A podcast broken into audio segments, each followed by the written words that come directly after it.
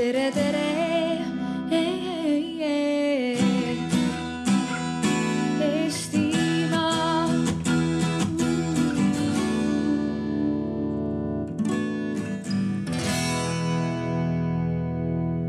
Tere pealelõunat kõigile, kes te siia energiapöörde lavale olete kogunenud, nii nagu siin juba nali kõlas, et täna tuleb kordamisele eelmise aasta Arvamusfestivali energiapaneel väikeste muutustega. aasta on läinud edasi, vaatame uuesti olukorrale otsa. mis siis äh, see aasta on äh, meile toonud, kas meil on uut teadmist, mis puudutab seda, et kas ka tulevikus tuled põlevad ja, ja kuidas nad põlevad. alustan vast panelistide tutvustamisega, et äh, kõige vasakul on Hardi Koduvere TalTechist. kindlasti mees, kes äh, teab äh, nii teoreetiliselt äh, palju, kui on ka äh, mudelitega tegelenud äh, piisavalt, nii et äh, teab äh, mitte ainult äh, selliseid üldisi vastuseid, vaid ka tegelikku sisu. mitte, et teised seda ei teaks. Olgu ära öeldud, siis äh, Martin Kruus, investor, eraettevõtja ja Timo Tatar ehk siis inimene, kes kujundab meie energiapoliitikat ja mina siis pane, paneeli juhina Taavi Veskimägi, Eleringi juhatuse esimees. ja räägiksime siis tõesti täna fookusega sellest, et äh, kust elekter tuleb, et selle aasta jooksul on äh, siin erinevate uudiste valguses olnud palju sellest juttu, et, et äh, kas Eesti peaks suutma tagada Eesti elektritarbimise katmise nende tootmisvõimsustega, mis on Eestis, saame me usaldada enda naabreid, kas elektrijaam Lätis või Soomes on halvem või parem kui elektrijaam Eestis. mis on siis äh, need mm, väljavaated äh, tuleviku elektritootmise võimsuste suhtes ja, ja kuidas ka Eesti võiks olla atraktiivne keskkond äh, uute äh, elektritootmise investeeringute äh, jaoks ja kindlasti kõigi mm, siinviibijate väga palju tuttavaid nägusid, kes teavad kindlasti täpselt sama palju kui siin laval istujaid. ma näen, et on ka publiku hulgas, et, et olge head, küsige avaldage arvamust, et, et võib-olla isegi ma teeksin niimoodi, et kas sissejuhatavalt keegi tahaks mõne küsimuse kuidagi kohe püsti panna, et, et mida siin panelistid ja, ja ka mina paneeli juhina saaksime kuidagi hoida, hoida meeles, et on mingid, mingeid märksõnasid, kuhu suunas me seda paneeli võiksime täpsemalt jooksutada. Ja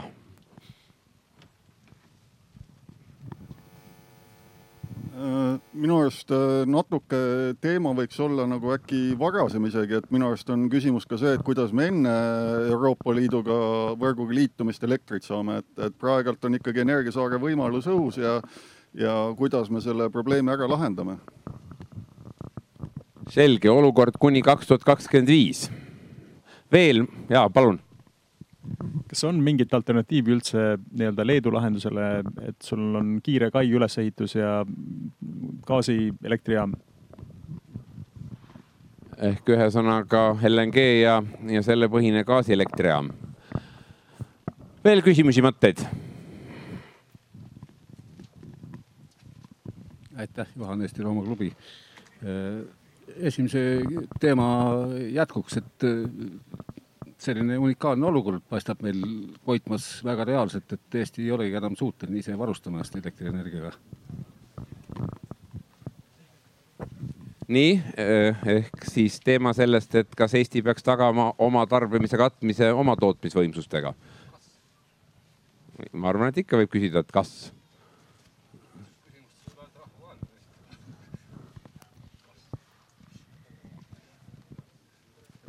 kui, kui kaua me ilma Venemaata oma sagedust hoida jaksame? nii, veel küsimusi, arvamusi, mis võiks meid suunata? kui hetkel ei ole, siis äh, lähme nende küsimustega äh, liikuma ja, ja selles mõttes on küll aasta väga palju muutnud, et tundub energeetika teema, et olles siin Arvamusfestivalil vist päris algusest peale enamus aastatel energia, erinevates energiapaneelides osalenud, nii palju kuulajaid pole kunagi olnud. ehk et see näitab, et teema on muutunud oluliselt aktuaalsemaks. Aga ma võib-olla siis sissejuhatavalt küsin tõesti kõigilt panelistidelt isegi, et, et mis te arvate, et, et siin härrasmees ütles, et sellel ei saagi olla küsimust, kas, aga ma siiski küsiksin, et kas Eesti peab tagama Eesti elektritarbimise katmise tootmisvõimsustega, mis on Eestis, kas me saame oma naabreid usaldada, kas elektrijaam Lätis või Soomes on kuidagi vähem usaldusväärne kui elektrijaam Eestis Eesti elektrivarustus, Eesti elekt-, Eesti elektritarbijate eh, elektriga varustamisel. et Hardi, ole hea. töötab jah? et äh, minu seisukoht on, et äh,, et elektrijaam Soomes või, või Lätis on põhimõtteliselt sama hea. et äh, praegu ajalugu näitab, et, et me saame usaldada oma naabreid, et äh, elektriturg on toiminud efektiivselt mõnevõrra peame endale äh, küll äh, üles kirjutama ja meeles pidama, et, äh, et meil ei ole ka seni elektrituru kontekstis olnud võib-olla väga suuri kriise. et seda usaldust ei ole veel väga palju proovile pandud, et, ähm, et võib-olla peame meeles pidama, et kui aeg läheb edasi, et võib-olla meil turul jääb võimsusi vähemaks, siis äh, siis me peame vaatama, kas me naabreid äh, usaldame rohkem, kui praegu usaldame, aga ma arvan, et praeguses turu kontekstis äh, kõik on okei okay ja, ja me võime loota ka sellele Läti elektrijaamale. Martin. no mina olen ka seda meelt, et Eestis äh, ikkagi elektrijaamu peaks olema. ma ei tea, kas see töötab või töötab, töötab jah, jah, et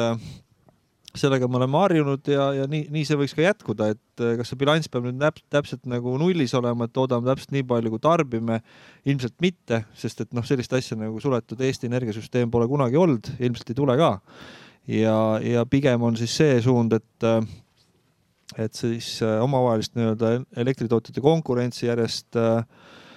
noh, soodustatakse ja selles kontekstis pigem me peaks vaatama ikkagi seda turgu laiemalt ja, ja, ja, ja selles vaates siis energiaettevõtlust Eestis maksimaalselt toetama, äh, soodustama ja, ja tõenäoliselt isegi me võiks rohkem Eestis elektrit toota, kui me ise tarbime. tere, üks-üks ähm,. mina, mina arvan, et äh, Eestis kindlasti peaks olema elektrijaamasid, aga ennekõike selliseid elektrijaamasid, mis on, suudavad elektrit toota konkurentsivõimelise hinnaga. et teatavasti neid teisi elektrijaamasid on meil Eestis täna ka päris piisavalt juba, aga kahjuks nad ei tööta. et äh, ja kui noh, küsimuse püstitus on see, et kas äh, elektrijaam Eestis või Soomes, et kas nad on sama head, siis äh, noh, laiema majanduse vaates kahtlemata on Eestile kasulik, kui need elektrijaamad sellisel juhul on Eestis ja loomulikult sellised, mis on konkurentsivõimelised ja mis toodavad elektrit näiteks Soomele, et äh, ja see, see ongi selline, ma arvan, et see tuleviku elektrituru äh, disaini või kujundamise väljakutse, et see turg oleks selline, et kui, kui on valik, kas ehitada elektrijaam Eestisse või Soome, et siis sellisel juhul see elektrijaam ehitatakse just Eestisse et äh, kindlasti nii-öelda süsteemi äh, varustuskindluse vaatest tõepoolest ma võiksin, äh, võiksin selle väitega nõustuda, et, et elektrijaam Eestis või Soomes kokkuvõttes väga suurt vahet ei ole,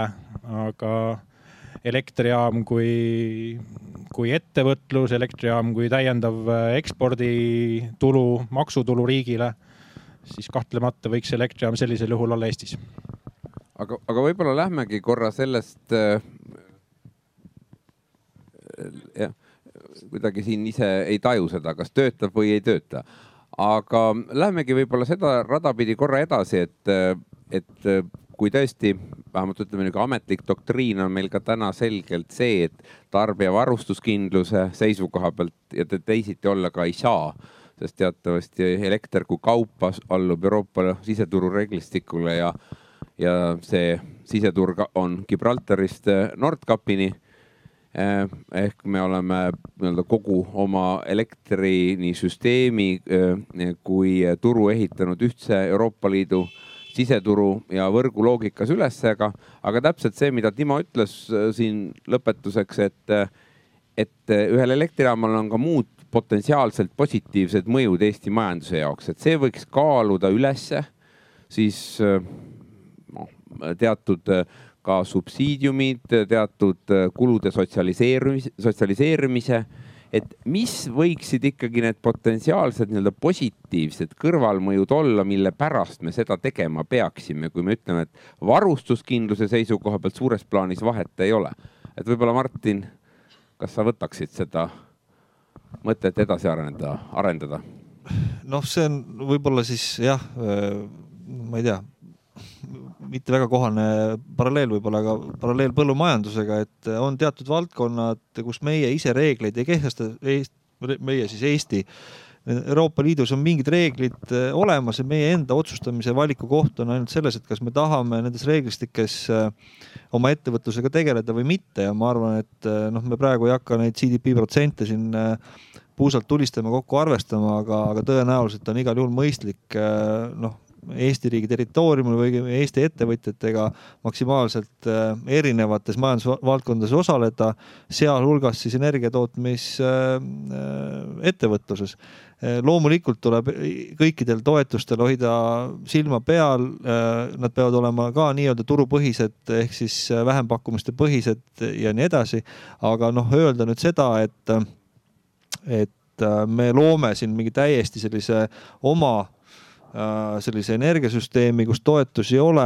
noh, see ilmselt ei ole realistlik, sest et noh, me oleme ikkagi noh, nii nagu me oleme nii-öelda tehnilises mõttes ühtses energiasüsteemis, oleme, oleme seal ka majanduslikus mõttes, nii et öö, äh, otsustamise koht on see, et kas me võtame need reeglid üle või ei võta ja ma arvan, see vastus on kiire see vastus on jaa. Aga miks, ikkagi miks, minu arust on see ju põhiküsimus, eks ole, et, et äh, et kas see on noh, ütleme tõesti võib ju tavaloogikaga, eks ole, nagu arutada, noh, see on töökohad, see on mingi noh, täiendav, ma ei tea, positiivsem välis, väliskaubandusbilanss, eks ole, see on mingi täiendav lisaväärtus, mingi potentsiaalne teadus-arendustegevus, mingi innovatsioon, mis selle pealt eh, tekib, et kus me ühiskonnana noh, seda väärtust näeme? Seal just näemegi, millest sa ise rääkisid praegu, seal ongi väärtus. Ja noh, kui me nendest asjadest kõikidest nagu loobume Äh, siis äh, noh, ütleme niimoodi, et me ei saa kergekäeliselt selliseid loobumisotsuseid lihtsalt teha. Äh, selle tagajärg on vaesus no ma lisaksin siia muidugi selle energiajulgeoleku ka, mis on mõnes mõttes nagu kuidagi hoomamatu mõõde. aga noh, meid kõiki see huvitab ja me noh tunnetame, et, et ilmselt on meil parem ja julgem siin Eestis toimetada ja siia investeerida, kui, kui siin neid, kui need tootmisvõimsused pigem on Eestis ja me ei sõltu täies ulatuses äh, Äh, eks ju siis impordist, aga, aga jah, jällegi selle klausliga, et need tootmisvõimsused ennekõike peaksid olema sellised, millele ei peaks peale maksma või siis üleliia peale maksma, et äh, see muidugi, see diskussioon viib väga kähku muidugi selle võimsuste turuni, et äh, mida väga paljud riigid täpselt sellesama eesmärgi nimel ju täna ka teevad, eks ole, et katavad siis tariifi lisakomponendiga mingisugused elektrijaama püsikulud selleks, et need elektrijaamad nendel tundidel kinni ei läheks, kui nad turule ei pääse, et väga paljud riigid on selle diskussiooniga sinna jõudnud. aga e, nüüd siis, aga et miks neid elektrijaamasid ja neid elektrijaama investeeringuid siis ei tule, et, et siin on olnud ju noh, kasvõi viimase aasta jooksul, eks ole, palju seda arutelu, et noh, tuleviku elektrihinnad on kõrged ja äh, tulevikus on võimsusi puudu ja noh, siis ongi, et kui hind on nõudluse pakkumise funktsioon, noh, loogiline, et me ei näe, et kuskilt tarbimine oluliselt mahus väheneb, pigem ta kasvab, äh, elektri äh, tarbimine, et, et miks siis neid investeeringuid ikkagi ei tule? ma ei tea, Hardi, tahad sa ise ja, ja kõik, kes on, et olge, aga ole hea, Hardi, kõigepealt sina. ja mi, mi, minu turuvaade, et, äh, et aeg-ajalt jälgin, mida arvavad turuosalised tuleviku elektri hinnast ja turuosalised läbi tulevikutehingute arvavad, et turuhind jääb alla, alla kolmekümne viie euro megavatt-tunni, kui ma õigesti mäletan. et see on äh, võrdlemisi madal hind, see on, äh, see on üks, üks külg asjale, et äh, turuosalised ise näevad, et see hind ei ole nii kõrge, mille vastu teha neid investeeringuid. et teine külg võib-olla on see, et nagu, nagu Eleringi varustuskindluse aruandes on kirjas, et Ensoe on teinud noh, üle-euroopalise varustuskindluse analüüsi. Ja, ja sealt tuleb välja, et sellist suurt või, või märkimisväärset võimsuste puudujääki lähiaastatel näha ei ole. et need, need kaks märki mulle viitavad justkui meil ei ole väga suurt kriisi lähiaastatel tulemas aga vot see ongi nagu hästi huvitav, noh, mida ka mina selle viimase aasta debati just noh, nii-öelda foonil olen nagu tajunud, et, et ühiskond tajub Eestis seda, et, et tulevikus noh, võimsust ei ole, hinnad on kõrged, aga nii nagu Hardi väga õigesti ütles, noh, ütleme kõik tuletisinstrumendid, eks ole, näitavad seda, et, et sihukest olukorda justkui ei ole ja ka tõesti Ensoe analüüs meil küll on praegult nii-öelda keskpikk vaade kuni kaks tuhat kakskümmend viis, eks ole vast siin järgmisel, ülejärgmisel aastal saame vaata kaks tuhat kolmkümmend. eks, et, et kust see nii-öelda erinevus tuleb? jah, Martin. jah, et äh, sa mainisid tuletisinstrumente, lihtsalt ongi see, et kui me räägime noh, sa küsisid ka seda, et miks ei tule uusi investeeringuid, eks ju. miks me ei ehita turupõhiselt uusi elektrijaamu? no see põhjus ongi selles, et äh, et see turg on ju ikkagi disainitud olemasolevate elektrijaamade omavahelisele konkurentsile ja, ja seda, et eh, see, sellel turul tekkinud hind annaks sellise kümne, viieteist või kahekümne aastase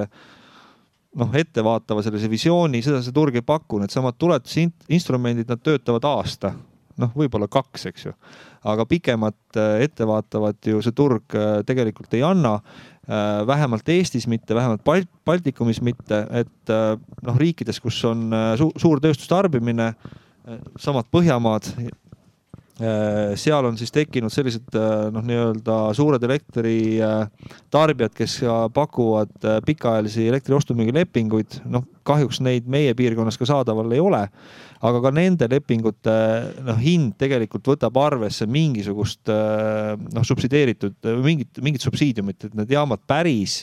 noh, okei okay,, mõned on juba tekkinud ka, eks ju aga, aga ütleme, et see ei ole veel selles mõttes mainstream, et ainult niisuguste pikaajaliste, turul saadavate pikaajaliste lepingute vastu tehtaks uusi investeeringuid. ja, ja, ja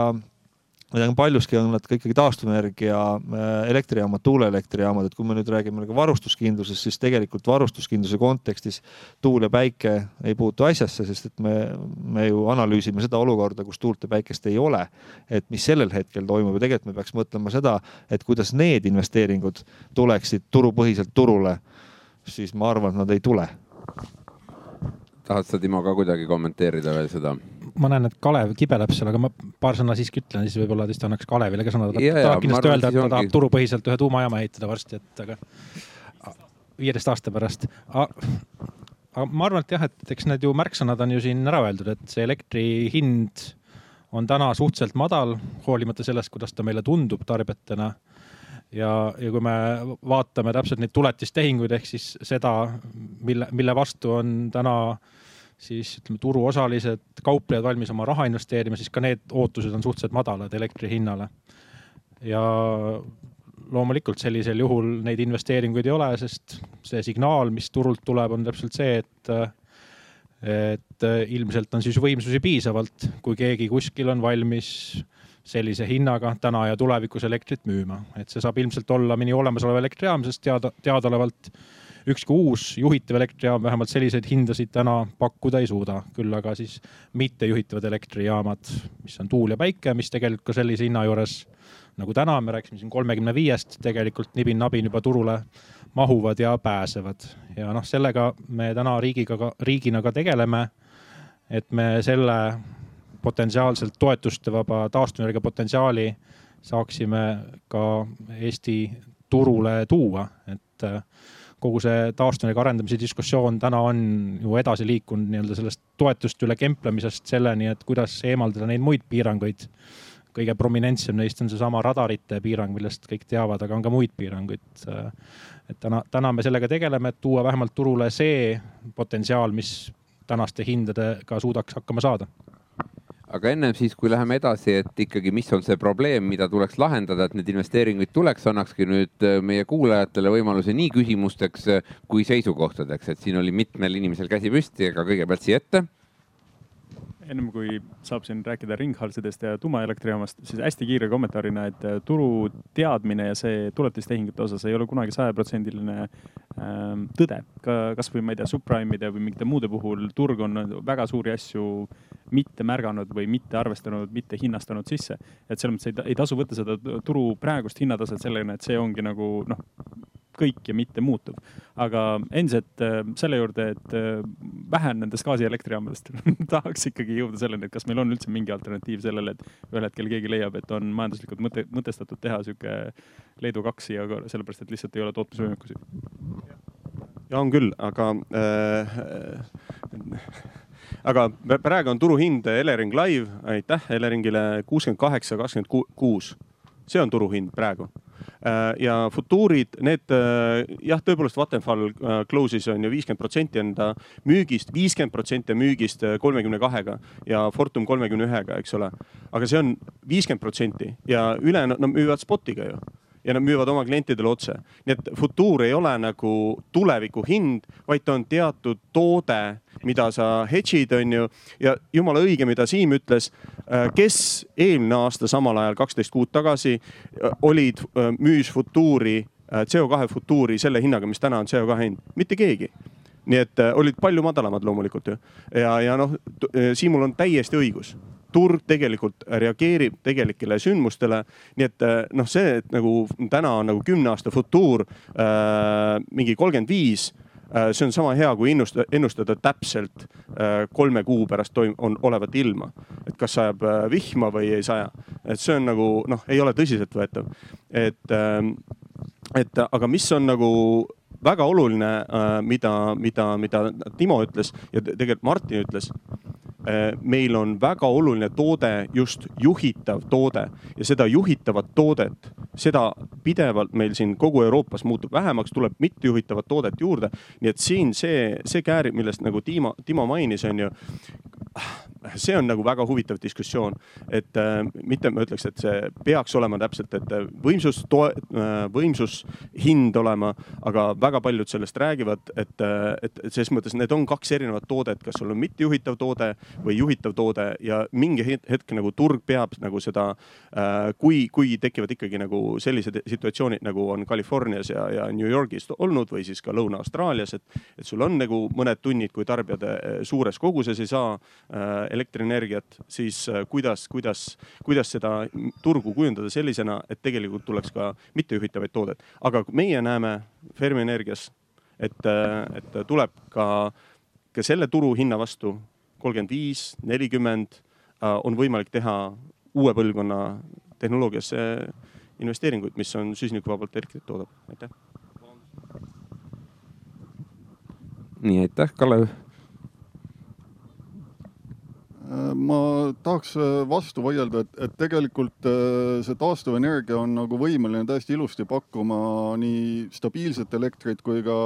nii-öelda balansseerima seda võrku. et pigem on küsimus turudisainis, et äh, kui riik ütleb, et ehitage päiksepaneeli ja tuulegeneraatorid koos akupangaga ja on valmis selle teenuse eest maksma, et nii-öelda taastuvenergia tootja müüb siis, kui võrgul on seda vaja, siis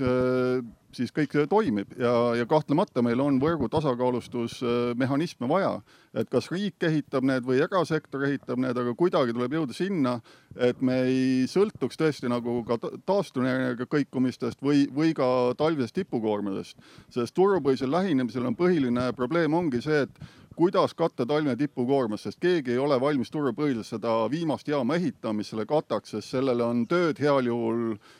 mõned päevad aastas, et see on minu arust turupõhise lähenemise põhiline probleem.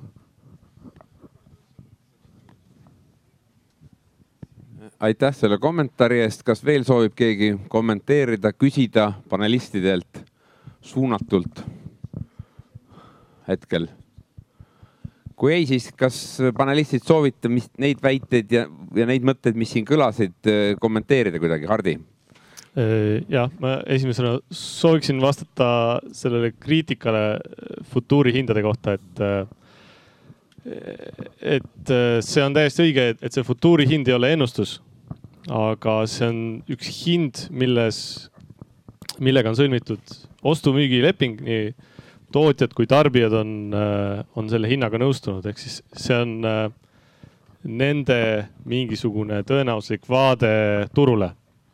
Et mõlemad on sellega nõustunud ja kui tootjad arvaksid, et nad saavad kindlasti kõrgemat hinda, siis nad ei müüks selle kolmekümne viiega kolm aastat ette elektrit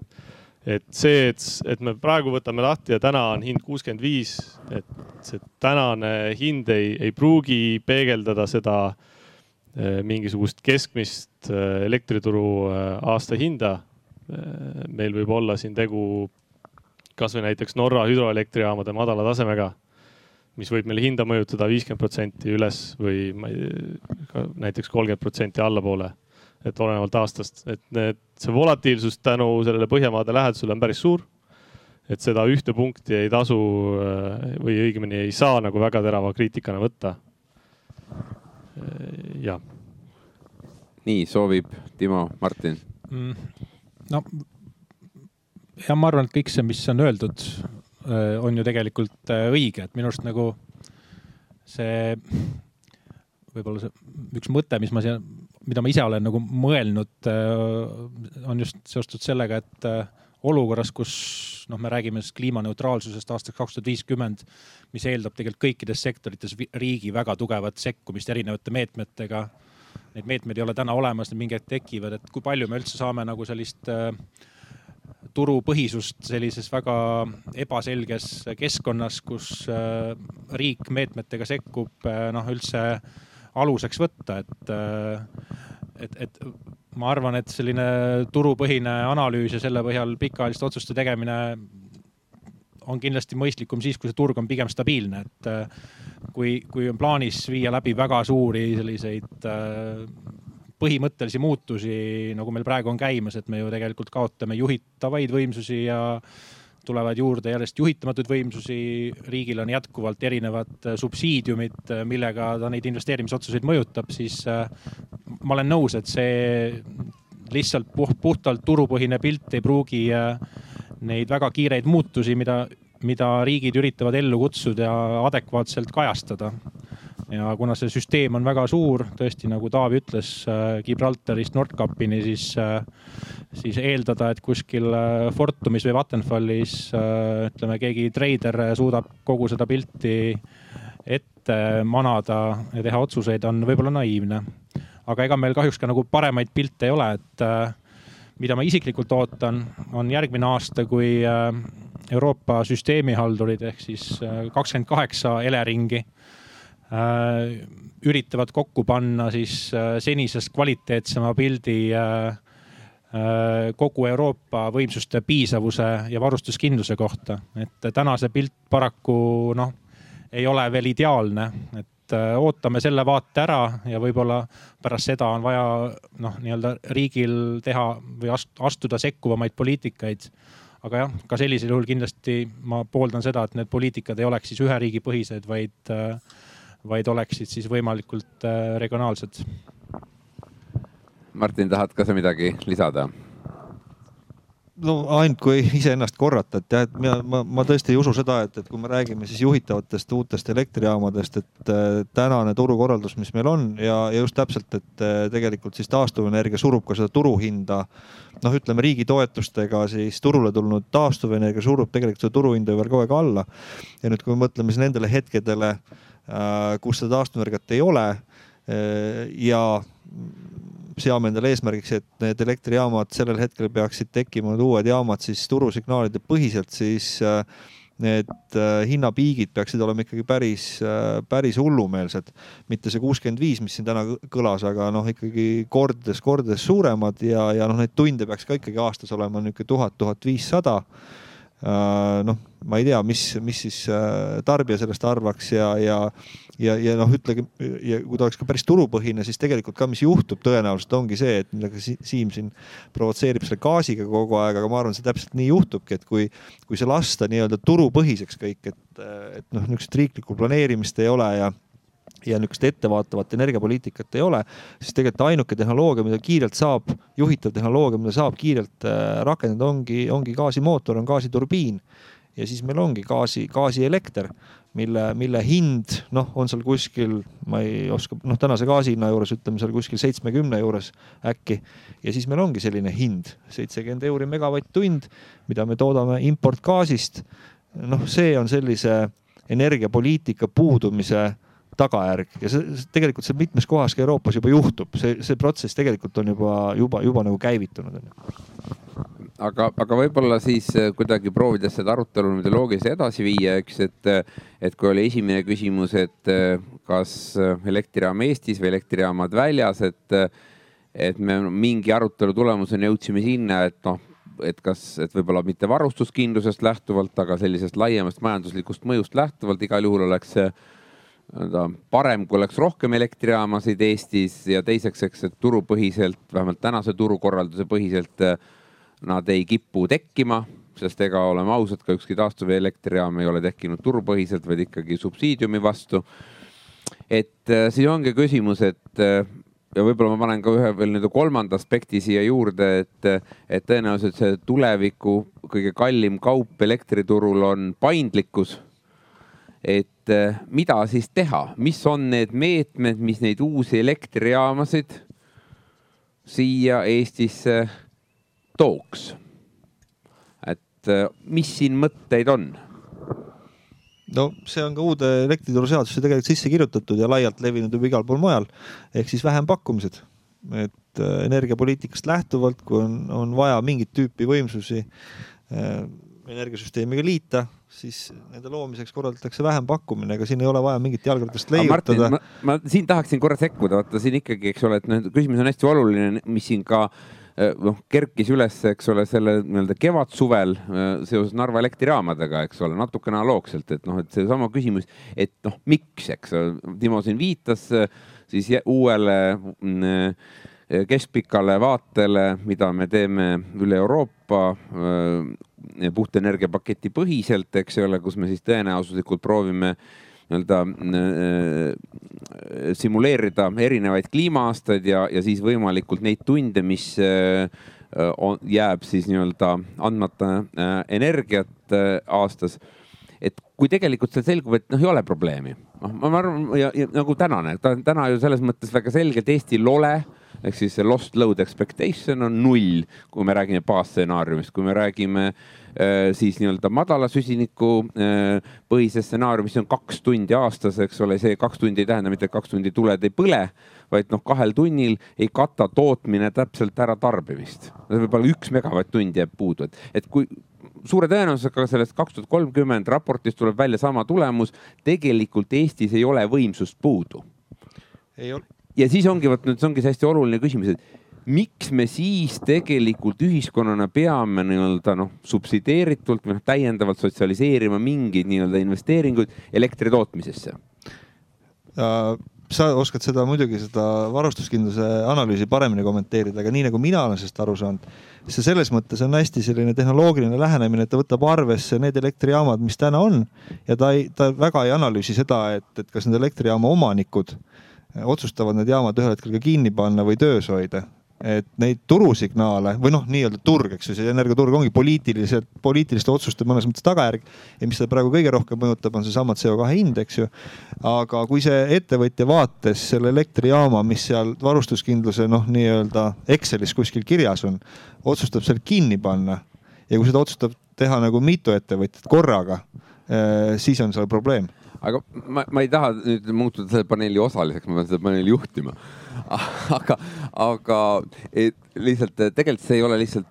see ei ole õige, ma sellepärast tahan öelda, et, et näiteks noh, Elering, eks eh, kui me võtame Narva jaamad, me teame, et seal on kolm korda seitsesada mega installeeritud võimsust. me oleme isegi täna sellesama Enso-E analüüsi mõttes pannud neid jaamasid kinni kiiremini kuna kõik TSO-d annavad nii-öelda oma parima teadmise, oma nii-öelda hinnangu jaamade nii-öelda sulgemise kohta kui tegelikult Eesti Energia seda täna ise on turule teatanud, ehk et me oleme olnud konservatiivsemad. Ja noh, ja loomulikult ma ei noh, siin Kalevgi on kirjutanud, et vot nad siin Rootsis ja Saksamaal pannakse jaamasid kinni. Ja kindlasti ma ei saa noh, Svenska Kraftneti eest noh, nii-öelda öelda, et mis on Svenska Kraftneti täpne sisend, eks ole. aga, aga et see päris nii ei ole, aga, aga, aga see selleks, läheks siiski selle nagu minu meelest nagu selle olulise punkti juurde tagasi, et, et kui meil ei ole varustuskindluse probleemi, siis noh, mis argumentidega või noh, miks me sel juhul peame nii-öelda subsideerima täiendavaid investeeringuid siin Eestis nii-öelda elektri tootmisesse ja, ja, ja, ja mida me siis teha saaksime? Sest noh, teatavasti võimsusmehhanism, millest ka Timo siin rääkis, eks ole, on rakendatav ainult sel juhul, kui me suudame näidata, et tegelikult selle uue teostatava analüüsi alusel Eestis jääb võimsust puudu. No tulen tagasi selle juurde, et äh, praeguses olukorras äh, võivad need äh, elektrijaam, elektrijaamad, mis täna ja eile tundusid, et töötavad veel järgmised kümme aastat, väga kiiresti teha teistsuguseid otsuseid ja ma ei ole nagu noh, ma tean, kuidas Elering neid analüüse teeb ja on seal üsna konservatiivne. noh, kas meil on see veendumus üle Euroopa kohta ja kui me kui me vaatame neid võimsusi, mis on Eestis ja millega meie sellesse Euroopa ühisesse energiaturgu panustame, siis noh, need on kaduvväikesed ju, et see on selline statistiline viga kokkuvõttes ju kogu nende, kogu nende võimsuste juures, mis siin Euroopas meil tuled põlemas hoiavad. et äh, ja juhul, kui me ütleme, olemegi või mitte meie, aga võib-olla teised süsteemihaldajad on, on siin teinud vead, valesti prognoosinud, siis me teame, mis on äh, nii-öelda selle, mis on selle siis käivituva stsenaariumi hind, et äh, sünkroniseerimise valguses me oleme tegelikult ju isegi välja arvutanud äh, sellise sotsiaalmajandusliku mõju sellele, kui Eesti või Balti riigid on päeva, kaks, nädala ilma elektrita, et noh, see mõju on miljardites eurodes siis tekib küsimus, et, et kas sellise riski vastu on mõistlik mingisugust kindlustuspoliisi omada või mitte. ma arvan, et on. Hardi. jah, et võib-olla hästi väike kommentaar veel täpsustuseks, et, et Taavi mainis, et äh, seal Ensoe analüüsis on madala süsiniku stsenaarium samuti, mis, mis käsitlebki seda, kui me paneme just ju, juhitavaid fossiilkütustel põhinevaid jaamasid kiiremini kinni, et et see võiks olla see vähemalt väike, väike riski maandamise aspekt siinjuures. aga Timole võib-olla veel vastuseks, et, ähm, et oletame, et me rakendame mingit võimsusmehhanismi siin Eestis ja ehitame viiesaja megase gaasijaama, et kui palju väheneb see tõenäosus, et meil ongi blackout? et ähm, kui meil jääb võimsust puudu, siis nagu samuti Taavi enne ütles, siis meil jääb võimsust puudu äh, mõnekümne, mõnesaja megavati ulatuses. meil jäävad, nagu varustuskindlusaruanne ütleb, jääb baas, äh, baasteenused jäävad alles, et äh, kui palju me peame võimsust siis ehitama, et meil see blackout'i tõenäosus väheneks jah, ma olen sada protsenti seda, seda meelt, et me kindlasti Eesti gaasielektrijaamadega ei pea katma siis kogu nii-öelda ülejäänud Euroopa seda statistilist viga, et aga seda ma ka tegelikult enne ütlesin, et juhul, kui osutub, et äh, meil on probleem või on nagu, on mingi risk, mida on mõistlik mingisuguse kindlustusega maandada, siis peaksid seda tegema mitte üksnes Eesti, vaid meil peaks olema siis selline üle-euroopaline kokkulepe, et kõik riigid näiteks peavad hoidma mingisuguse protsendi või osakaalu juhitavaid võimsusi oma bilansis, et noh, selliseid äh, selliseid äh, grupist tirrilaskjaid, nagu mina täna olin, kui me Tallinnast siia sõitsime, et neid oleks vähem, et, äh, et igaüks peab natuke andma oma panuse ja, ja kõik peavad siis nii-öelda oma, oma osakaalu noh, peavad täitma nagu oma kohust, eks ju, et no kui me vaatame sellist Euroopa Liidu üldist pilti, siis noh, noh ma arvan, et Arvamusfestival Rootsis või Arvamusfestival Saksamaal võib täpselt samal teemal siin arutada, aga mingil põhjusel väga paljud riigid Euroopas täna on ikkagi endal need äh, kindlustuspoliisidega tegelema hakanud, eks ole, neid täna ikkagi neid võimsusmehhanisme või võimsusmehhanismi laadseid tooteid Euroopas tegelikult pigem on neid riike rohkem, kus need on öö, äh, olemas, võrreldes nende riikidega, kus neid ei ole olemas. ja noh, olles mõne sellise riigi kodanik, äh, kus selline võimsusmehhanism rakendub, nähes sedasama olukorda, et, äh, et ütleme, võimsusi on puudu, noh, lõpuks ikkagi veri on paksem kui vesi ja mingi hetk võidakse hakata te tegema valikuid sellisel juhul siis see, et kui minu tarbijad on maksnud minu gaasi elektrijaama eest, siis ma piltlikult Lätile seda ei jaga, kui nagu tõesti vesi ahjus on ja, ja kõigile seda võimsust ei jaga, et noh, need stsenaariumid tegelikult tuleb läbi käia, tõesti nende tõenäosus on väga madal. Võib-olla täna, täna isegi olematu, tulevikus tõenäoliselt see tõenäosus kasvab. aga noh, need tuleb läbi käia ja mõelda, mis need mehhanismid on. kahjuks on see olukord täna selline, et ega Euroopas ei ole väga palju riike, kes nendel teemadel energiapoliitika kujundamise vaates tahavad nagu kaasa rääkida, et, et see on nagu selline kahesugune noh, selline käsitlus, et ühest küljest on kõigil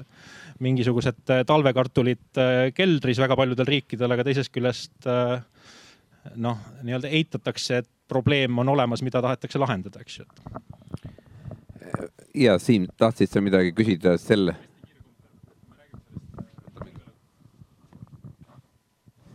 Räägime sellest julgeolekupoliitilisest äh, mõõtmest ja noh, kasvõi sellest samast viiekümne kolme miljonilisest radarist, siis see äh, risk, et ülekandeliinid Soome või Rootsi suunal võivad ühel hetkel olla inoperatiivsed, ütleme siis äh, mitte, mitte meie tahtmisel äh,. ma eeldan, et kuskil kammis on keegi ka selle peale mõelnud no ma panen vastu kiusatuse seda kommenteerida. aga ma siiski läheksin tagasi nii-öelda selle arutelu juurde korra, et, et, et okei okay,, võimsusmehhanismist me rääkisime, eks ole, me saame kõik aru, et võimsusmehhanismi on võimalik rakendada juhul, kui äh, teostatav ehm, varustuskindluse analüüs või siis nii nagu teda nimetatakse, ressursi adekvaatsuse hinnang üle-euroopaliselt näitab, et Eestis on neid ehm, tunde, andmata jäänud energiatunde rohkem kui see varustuskindluse standard, mille Vabariigi Valitsus mingil hetkel kehtestab. aga et jättes selle kõrvale, et mis on veel neid tegevusi ja tõenäoliselt on neid tegevusi veel noh, mida saaks selleks teha, et Eestis elektrijaamasid oleks noh, hea ehitada, et ütleme, Eesti oleks nii-öelda atraktiivne koht uute elektritootmise investeeringute jaoks. ja et mis siis on veel need võimalused, et kuidas Eesti atraktiivsust uute elektritootmise investeeringute osas kasvatada? et mis siin on mõtteid? Sest need võiksid olla päris praktilised, et noh, et üks, kaks, kolm, eks ole. mingil põhjusel me arvame, et elektrijaamasid noh, võiks Eestis olla. mis siis on need tegevused, eks ole, et kas me, ma ei tea, me teame, noh, lihtsalt no, näiteid, eks ole, et natuke mõtet, et äh, ergutada. et Äh, paljud riigid näiteks sotsialiseerivad äh, võrguühendusi, võrguühenduste väljaehitamist, eks ole, mida meie ei tea, tee teatavasti, eks ole, Eestis on nii, et kui keegi uus tootja tahab võrguga liituda, maksab ta kogu liitumise ise täielikult kinni, et noh, kas näiteks noh, teha midagi sellist või, või äh, noh, veel midagi, mis teil mõttes on, et tahate te seda kommenteerida, mis, mis need ideid on, mis takistab täna ikkagi, mis takistab, mis see probleem on, mida lahendada? kui võib. ja muidugi. et äh, noh, vaatame tagasi, mis, mis tehtud on ja siis vaatame, kuidas meil läinud on ja siis loomulikult äh, äh taastuvenergia sektoris üks, üks pikemaajaline suurem probleem oli siis äh, pidev äh, noh, nii-öelda debatt selle üle, et peaks tagasiulatuvalt vähendama taastuvenergia tasusid Äh, see selleks, see lõppes ära, need vaidlused peeti ära, unustame selle, aga kui me tahame seda õppetundi tulevikus kasutada, siis ongi just see, et, et äh, noh, see riiklik äh, poliitika, nende erinevate meetmete planeerimine peab olema noh pikaajaliselt nii-öelda nähtav, et, et mida üldse teha kavatsetakse ja ta võiks olla võimalikult ka nagu stabiilne, et sinna ei tule sisse siis niisuguseid ootamatuid mingeid hüppeid. et nüüd ikka muudame ja, ja nii edasi, et noh, võib muidugi öelda, et see on niisugune ideaalmaailm, mida kunagi nagu ei juhtu, aga kui sa küsid, et mida tegema peaks, siis ma arvan, noh, see on, kuhu poole me võiksime liikuda. sest et äh, noh, üks asi on see, et see on nagu ettevõtja vaade, et tema seab oma sihte ja, ja, ja planeerib ka oma investeeringuid ja peab läbirääkimisi pankadega, mida iganes, niisugune normaalne majandustegevus. planeeritakse mingisuguseid uusi investeeringuid, noh, nii nagu see asi käib käib. kahjuks energeetikas see ei ole nii olnud, et noh, ta on olnud väga poliitikale avatud valdkond ja võib-olla ka see turu avamine on midagi uut, eks ju, mitte ainult äh, siis äh, noh, riigi poolt vaadatuna, vaid ka tarbijate poolt, poolt vaadatuna. aga, aga ma tahaks kangesti loota, et see üleminekuperiood on läbi ja tulevik võiks olla oluliselt stabiilsem ja mis sinna kõrvale siis ka võiks tekkida, et kui tekib ikkagi tugev Eesti oma või mitte oma, tähendab Eestis äh, tekib tugev energiaettevõtlus, siis tegelikult sinna kõrvale peaks tekkima ka innovatsioon ja, ja tegelikult see peaks omakorda innustama siis noori, noori talente, kes siis tuleks Eestisse ka neid äh, uusi tehnoloogiaid arendama, et nad astuksid ka Eesti või TalTechi, mitte siis Tallinna Tehnikaülikooli, vaid TalTechi, et kogu see valdkond nagu võiks areneda, sest et noh, praegu ta kuidagi on niisugune lipa-lapa ma julgeksin sellist äh, väidet nagu kasutada. ehk siis pikaajaline nähtavus, äh, üldine arusaamine, et see on meie jaoks oluline majandusvaldkond ja me tahame seda arendada. ma arvan, et kõik, mis Martin ütles, on äh, head mõtted ja hea meel on öelda, et tegelikult selles suunas me ka toimetame, et praegu on ju tegemisel pikaajaline riigi energia ja kliimakava aastani kahe tuhande, kaks tuhat kolmkümmend mis ei ole selline järjekordne visioonidokument, vaid äh, suurusjärgu võrra konkreetsem. ta ikkagi ütleb välja, mis aastaks, missuguse taastuvenergia osakaaluni näiteks me soovime jõuda. samamoodi ka energiatõhususe ja CO2 emissioonide vähendamise osas.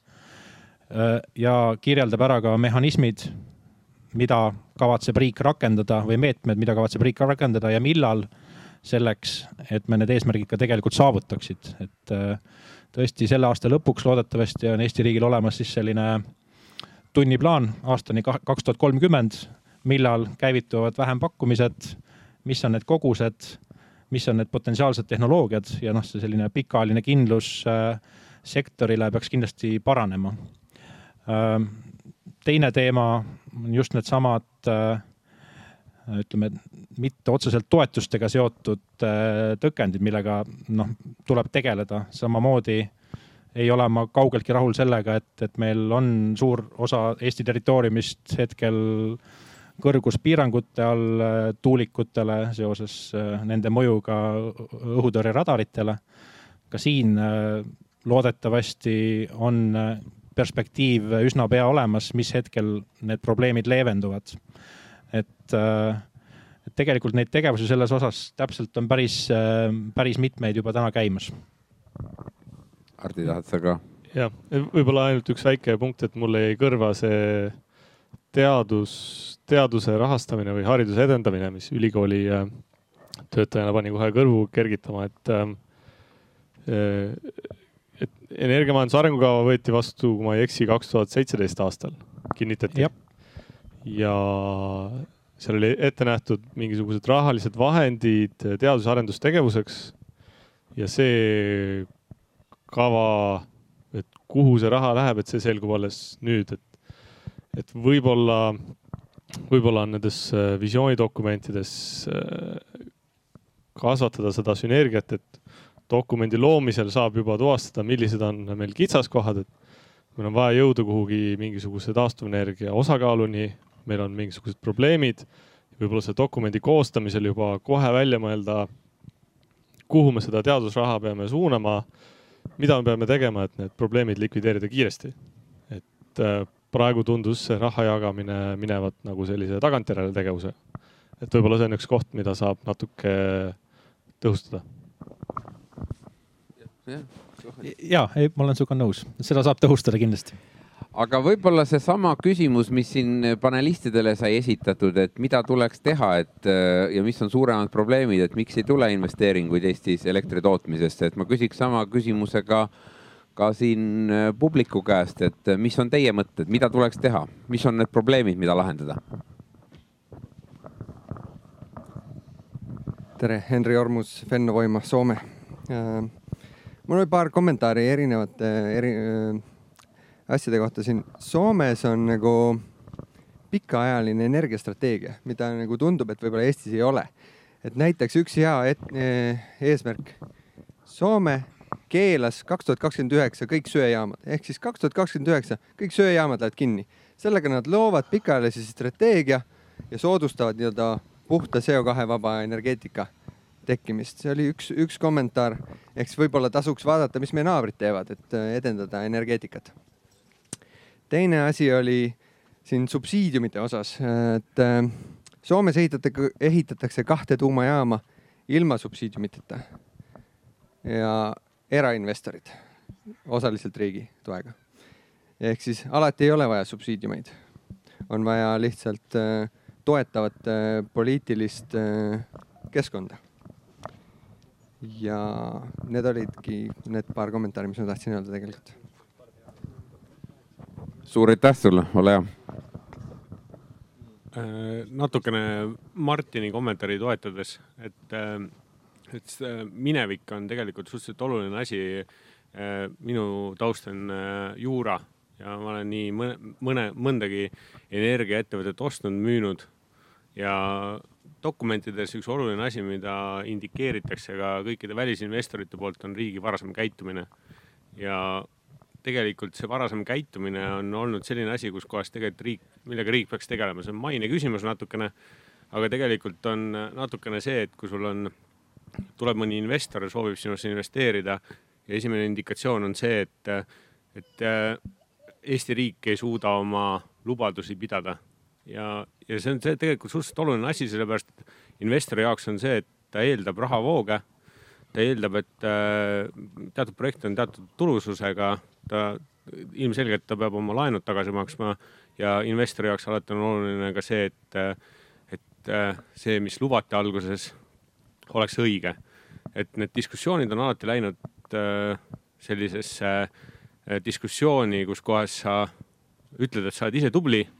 aga Eesti riik on lihtsalt olnud sõnamurdlik, et äh, tegelikult Eesti riik peab selle maine murdmisega tegelema. see on oluline asi ja, ja energeetika kindlasti on üks selline valdkond, mis on väga riigiga seotud. ja lihtsalt, et see, ma arvan, et see isegi ei ole mitte selline äh, koht, kus kohas riik äh, peaks nagu lõpetama selle varasema käitumise, vaid ta peab ise aktiivselt ütlema, et et see, mis oli, et äh, seda nüüd enam ei ole. Ja, ja see põhimõtteliselt seal, seal, seal, seal peab olema aktiivsem. veel kommentaare? Anu Eestlas Tuuleenergia Assotsiatsioon, ma tegelikult tahan nii Martinit kui kõiki tegelikult tänada ka, et tõesti konkreetseid samme on vaja teha ja just seda kuvandit on vaja muuta kindlasti ja, ja kui me igapäevaselt räägime taastuvenergia arendamisest, siis tegelikult Euroopas väga seda ei usuta ja see on üks põhjus ka, miks äh, investeerijad ei, ei vaata Eesti turgu väga tõsiseltvõetavalt. aga kuna Taavi, sa küsisid, et äh, mis siis on vaja teha, siis äh, meil on nagu paar mõtet küll, et REC-i kindlasti ambitsioonikamad eesmärgid, kuna see näitab, et Eesti riik on tõsiseltvõetavalt võtnud sihiks taastuvenergia arendamist. et turg läheb vabaks ja on oodatud uued tegijad turule teiseks on see, et eh, kindlasti me näeme tuuleenergiasektoris, et see võrguühenduse temaatika on, on äärmiselt oluline lahendada. Ja võimalike ühiste projektide läbi Euroopa Liidu loomulikult äh, nagu ka võimalik nagu toetada siis, et, et kogu investeering ei jääks ainult eraettevõtete kanda, et vastasel juhul taaskord ei, ei ole me konkurentsivõimelised ja, ja lahendusi tegelikult ei tule meie juurde, vaid minnakse kuhugi mujale ma arvan, selline kogukondadega koostöö ja kohalike omavalitsustega koostöö on, on vaja riigisiseselt ka ära lahendada selle koha pealt, et eh, ei eita ju, et väga palju kogukondi on selle vastu. kas teadmisest eh, või teadmatusest, see on, see on teine küsimus, aga kindlasti peab selline läbipaistev toetus ja, ja koostöömehhanism nagu olema olemas ka. ja, ja kindlasti lõpetuseks siis innovatsiooni pool, et eh, ilma selleta me saame ainult ühe osa tehtud ja, ja jääb väga palju kasu saamata Eesti riigile nii et väga mitu sammu, väga praktilised. ma läheks edasi just sellesama kogukonna poole pealt, et äh, meil on senimaani puudu toimivad mehhanismid, mis äh, laseks kohalikul kogukonnal võtta äh, kasvõi neid samu siis meretuuleparkide projekte või mingeid muid asju omana et äh, need üle, noh, et nad seal on pakutud küll seda, et umbes, et selle kohaliku koguna kuuluks siis see üks mingine tuulik või mingi protsent või mingid muud asjad, aga see, see sihuke nii-öelda ühiskoostöö osa, et nad, neil on need nagu murekohad, aga see nagu nii-öelda omandivorm või see kasusaamise osa jääb üldiselt kellegi teisele. teiseks, riigi poole pealt äh, väga sageli puudub äh, protsessihaldur et põhimõtteliselt noh, kui teeme mingi võrdluse näiteks ütleme, ma ei tea e, e-residentidega on ju, meil oli eraldi programm väga pikalt, väga põhjaliku valitsuse prioriteetina. ja ka siis läks nagu mitu aastat aega, ennem kui üldse nagu meid seadused muutuma hakkasid. aga kui me vaatame seda ükskõiksust, millega on tegelikult mingitesse parkidesse suhtutud või kui, kuidas on kõrvalt äh, äh, pealt vaadatud mingis mõttes, kuidas, kuidas kogukondlikud huvid on kristalliseerunud ja ise mitte selle juures nagu üldse äh, osaliseks astudes siis äh, mulle tundub, et see algusest lõpuni nii-öelda noh, mitte päris käe hoidmine, aga, aga kaasas olemine ei ole riigil kuidagi välja tulnud senimaani. Ähm, ja kolmandaks endiselt see ma saan aru, et sa kasutasid seda siukse, äh, et ma kasutasin seda provokatiivselt, seda gaasiert, aga ma päriselt tahtsin teada, et kas meil on üldse mingi alternatiiv, noh päriselt, noh jah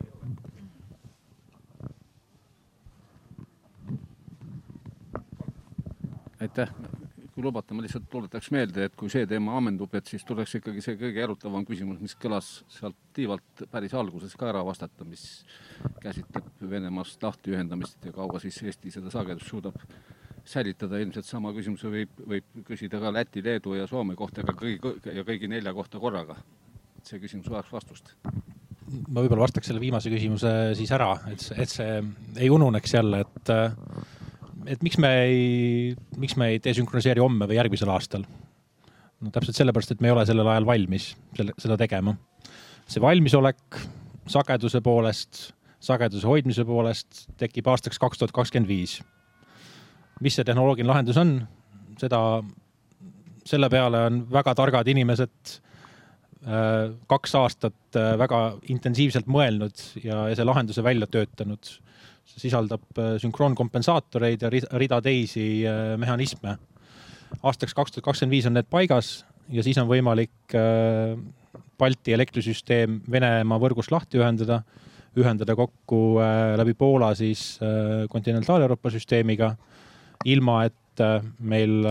tariifid tõuseks ega sagedus kõikuma hakkaks. selle nimel on väga palju vaeva nähtud, väga palju analüüse tehtud ja lahendused defineeritud, nende maksumused defineeritud ja nüüd me oleme selles faasis, kus me hakkame neid riburada, neid investeeringuid ellu viima. selle aasta alguses äh, tuli Eestisse kuskil sada nelikümmend seitse miljonit eurot. vabandust, jah, kuhugi kadus kuus miljonit, jah just, just, just. sada nelikümmend üks pluss kuus sidrunit, jah, et et jah, sada nelikümmend üks miljonit eurot täpselt nende investeeringute tegemiseks. Taavi, oskad täpsemalt öelda? Te ikka vägisi tahate, et ma peaksin hakkama vastama, aga et eh, kolmsada kaheksakümmend miljonit on tegelikult kogu Eesti osa, eh, mis võiks siis desünkroniseerimise projektis meil tulla, meil tuleb nii-öelda eh, katta. Aga mm, sellest kolmesaja kaheksakümnest miljonist jah, me kuskil seitsekümmend viis protsenti loodame siis saada Euroopa Liidult kaasfinantseerimist ja sellest tõesti siis esimene osa, sada nelikümmend üks miljonit kaheksakümne seitsmest on juba äh, reaalselt olemas, on otsustatud äh, ja see siis läheb eelkõige nende olemasolevate liinide rekonstrueerimiseks, mis siis Balti alajaamast Tartu, Sirgu, Valmiera suunas liiguvad ehk siis olemasolevad kolm. Äh, kolmsada kolmkümmend kilovolt liini ja järgmised on siis investeeringud ongi kolm sünkroonkompensaatorit just, et äh, kui me siin räägime sellest, et, et meil nii-öelda konventsionaalseid elektrijaamasid jääb väheks, vähemaks, eks ole, rohkem tuleb äh, inverterite põhiseid jaamasid, et süsteemis oleks piisav inerts tagatud, siis tõesti Kotja Power siin on teinud väga põhjaliku töö, et kui palju Baltikumast tervikuna peaks olema süsteemis inertsi. see on seitseteist tuhat ükssada megavatt-sekundit ja siis me olemegi jaganud selle kolmeks eh, Balti riikide vahel ja siis viis tuhat seitsesada peaks olema see eh, Eesti, Eesti osa ja ma vastan kohe siin ka ise selle küsimuse ära, et mis juhtub enne kahe tuhande kahekümne viiendat aastat, et, et siis me selle aasta varustuskindluse aruandes ka seda vaatasime ehk siis lisaks sellisele nüüd Euroopa ühtse turu põhisele lähenemisele vaatasime kolme sellist stressitsenaariumit. ehk esimene stressitsenaarium oligi siis see, et me kaotame kõik ühendused nii Mandri-Venemaa kui Kaliningradiga. et kuidas me siis saame selliselt hakkama, et tuled jäävad põlema ja, ja vastus on see, et me saame kenasti hakkama nii siis võimsuste mõttes kui tegelikult ka süsteemi juhtimise mõttes, et, et loomulikult see ei ole siis selline tavapärane turg, nagu me täna näeme, eks ole, et, et päev ette turul nii-öelda on, on biidid, seal kindlasti on mingid Mastron masinad ja, ja, ja kõik see, eks ole. Ja kindlasti me kasutame ka nii-öelda nagu asju, mida me täna ei kasuta stiilis nii-öelda näiteks Kiisa avarii reservelektrijaam hoopis teises loogikas, kui me seda teeme, teeme täna, et et meil on selline nii-öelda plaan B või nii-öelda contingency plan tegelikult olemas ja mida nõuab ka põhimõtteliselt siis eh, see liitumisleping, mille me sõlmisime Mandri-Euroopaga. Ehk me siis eh, põhimõtteliselt selle aasta kevad-talvel Eesti, Läti, Leedu koos esitame siis nii-öelda noh, plaani eh, ka Mandri-Euroopa süsteemihalduritele selles suhtes, et kuidas tegelikult ka kuni kaks tuhat kakskümmend viis erakorralise mitteplaneeritud saarestumise eh, puhul eh, tuled põlemas hoiame ja ja, ja, ja siis me tegelikult tegime ka veel stsenaariumi kolm ja neli ehk võtsime ka alalisvooluühendused välja ja võtsime tegelikult lõpuks ka ühendused Lätiga ära, et, et noh, kuidas siis Eesti elektrisüsteem toime, toime tuleks aga veel lähme tagasi küsimuse juurde ikkagi, et, et mida siis tuleks teha. Anul oli siin väga hulk väga konkreetseid ettepanekuid. sul olid ka? jah, et riik peaks oma vana, varasemaid vigu tunnistama ja neid aktiivselt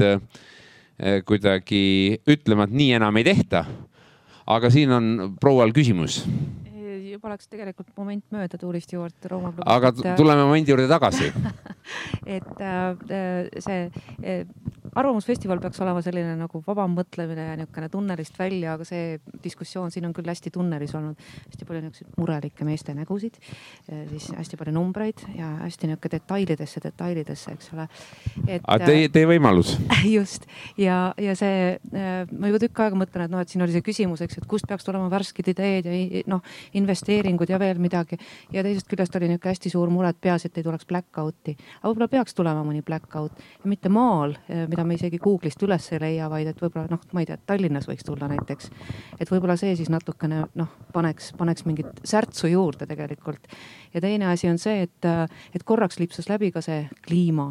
aga noh, kliimast tegelikult juttu ei olnud ja kuidas saada inimesed kliimast rääkima, ega muud moodi ei saagi, kui, kui noh, tegelikult tulebki nagu korraks särts ära võtta selleks, et särtsu juurde anda. võib-olla, võib-olla see kuidagi avardaks natukene seda, seda mõtlemist et mis siis lõppkokkuvõttes juhtub, kui meil kahel päeval, kaheks päevaks läheb äh, elekter ära näiteks Tallinnas. noh, te ütlesite, pitšiljon raha jääb tulemata, eks ole. Noh, aga so what, et vot see on see nagu see, mida mina tulin ise tulin kuulama, et, et nüüd tulevad värsked ideed ja, ja noh, noored mehed istuvad, eks ole, vaat kus nüüd hakkab särisema. no ei särisenud, et äh, nii, tahate te kommenteerida seda, lugupeetud panelistid? ma võin ja, näod on tõesti murelikud, sest et me oleme sedasama juttu nagu Taaviga alguses ütlen, rääkinud siin aastaid ja aastaid. nimelt, boring. ja, ja, ja midagi, midagi ei toimu ja võib-olla tegelikult ongi see, et peaks vahelduseks midagi ära ka tegema. et teeks mõne uue elektrijaama näiteks Eestisse vahelduseks onju. millal te teete? ja, ja, ja nii, aga veel, äh, et kui panelistidel ei ole pakkuda värskeid ideid, aga võib-olla on publikul pakkuda värskeid ideid. jah, ma tulen, võtan ise selle ära.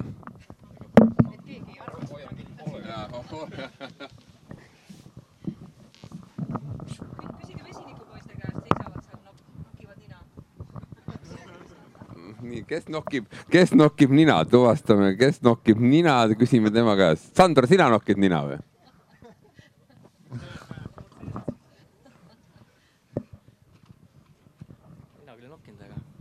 aga kui Taavi juba nime nimetas, siis ma paar asja räägiks võib-olla kokkuvõttes, mis erinevates kohtades ma kuulsin, et, et mulle hästi meeldis tegelikult selle äh, Timo mõte äh, kindlustuspoliisist.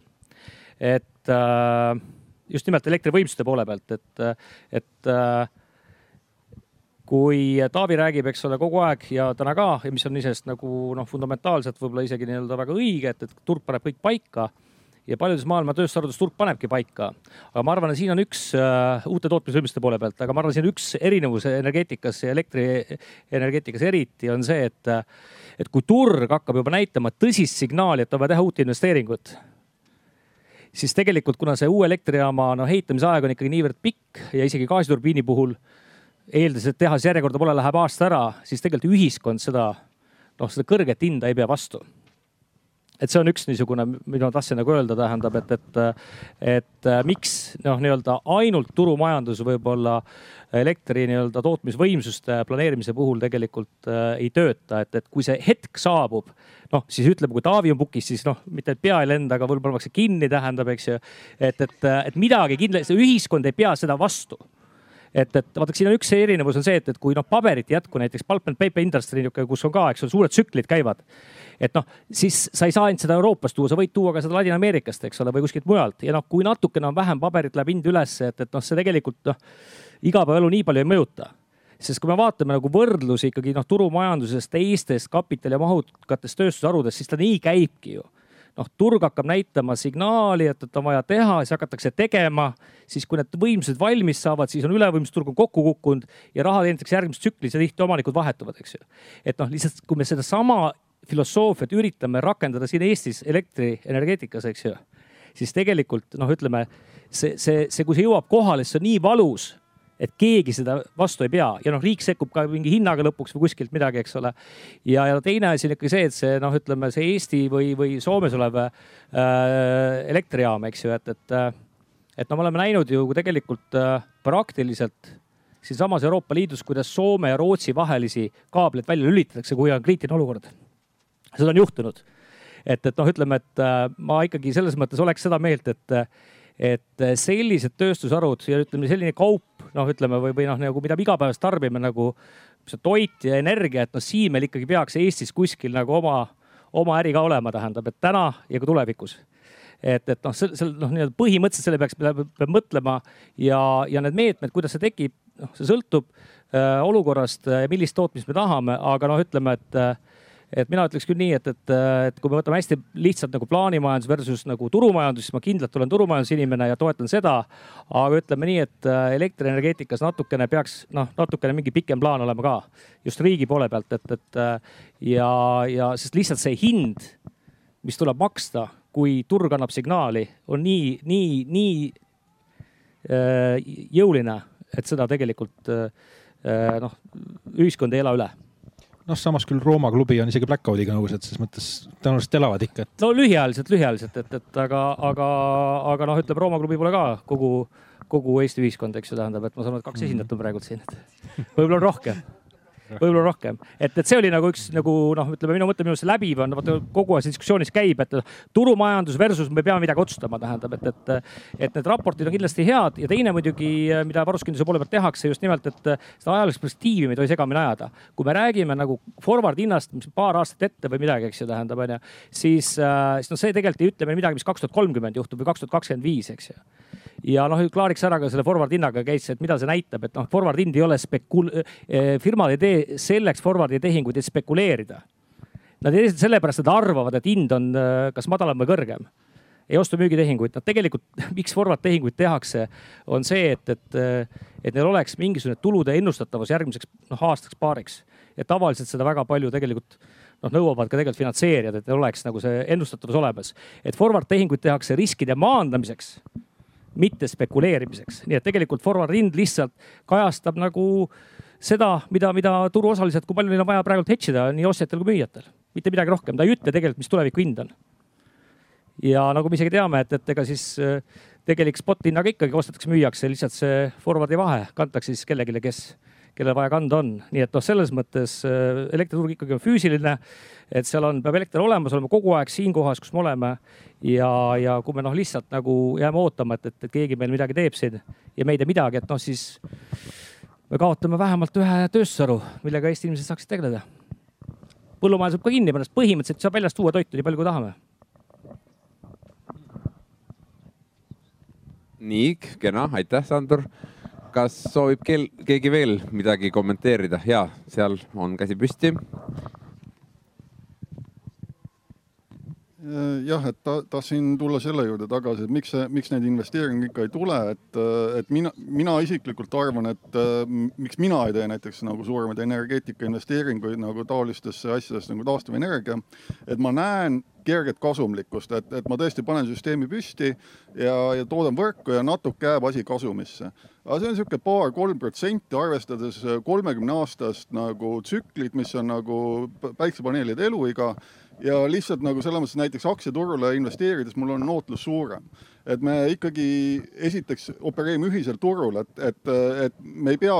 nagu niimoodi marginaalselt tegutsema, et, et ikkagi tuleb asjale peale maksta, et inimestel oleks reaalne kasu nagu asjaga tegeleda. ja, ja teine asi on nagu see, et see investeering tuleb tihti teha ka nii-öelda doteeritud nii-öelda võrguelektri vastu sest praegult ju Eestis doteeritakse vist äh, põlevkivi erinevaid põletamisviise, turba põletamist, biomassi põletamist. et nagu sellega, kui seda doteeritakse, siis selle, selle toetuse vastu nii-öelda erainvesteeringuga tulla on nagu praktiliselt võimatu, et kas me lõpetame kõigel doteerimise ära ja, ja tõesti siis nagu turg otsustab, et mis sooma hakkab või me proovime nagu nii-öelda tõesti kujundada turgu vastavalt sellele, mis äh, kaks tuhat kolmkümmend ja kaks tuhat viiskümmend perspektiivid näitavad, mis on siis kliimaneutraalsus ja taastuvenergeetikale üleminek üleminek, millest nagu tegelikult kõik räägivad, kõik teavad, et seda tuleb teha ja, ja nagu selles mõttes, et äh, keegi peab raha lauale panema ja keegi peab eeskuju näitama. ja eelkõige võiks olla riik, kes võiks hakata nii-öelda tõsiselt tegelema, et oma kõik teenused viia taastuvenergeetikale, miks mitte politseile Tesla autod ja nii edasi, et, et nagu miks mitte näidata eeskuju. ja küll siis rahvas ka järgi tuleb, kui, kui siis on nagu teada, mis on need tehnoloogilised lahendused, mis on nende hinnad, siis ka riik oskab paremini igasuguseid toetusprogramme välja töötada. praegult on niisugune natuke huupi pakkumine